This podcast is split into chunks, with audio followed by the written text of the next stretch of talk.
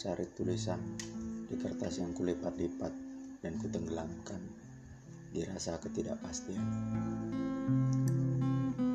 Pekanbaru, 3 Januari 2020. Jika mencintai angin harus menjadi siung. Biar badai saja yang mencabikku. Jika mencintai air harus menjadi rejik Biar hanyut dan tenggelamnya aku. Jika mencintai gunung harus menjadi terjal. Biar di sini saja aku cukup mencintaimu. Dan jika sebegitu sulitnya harus menjadi sesuatu agar kau suka Lalu harus jadi apa aku?